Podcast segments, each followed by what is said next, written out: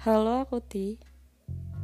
Kalian pernah nggak menyikapi suatu masalah dan bilang ya udahlah ya mau gimana lagi? Pasti banyak banget yang kita sikapi dengan kata-kata tersebut. Karena seberapapun kita berjuang seberapapun kita nyari solusi ada beberapa masalah yang kita nggak bisa buat nyari solusinya. Kita nggak bisa buat nyari jalan keluarnya. Dan dengan pasrah kita cuma bilang ya udahlah ya mau gimana lagi? Kayak perkenalan ini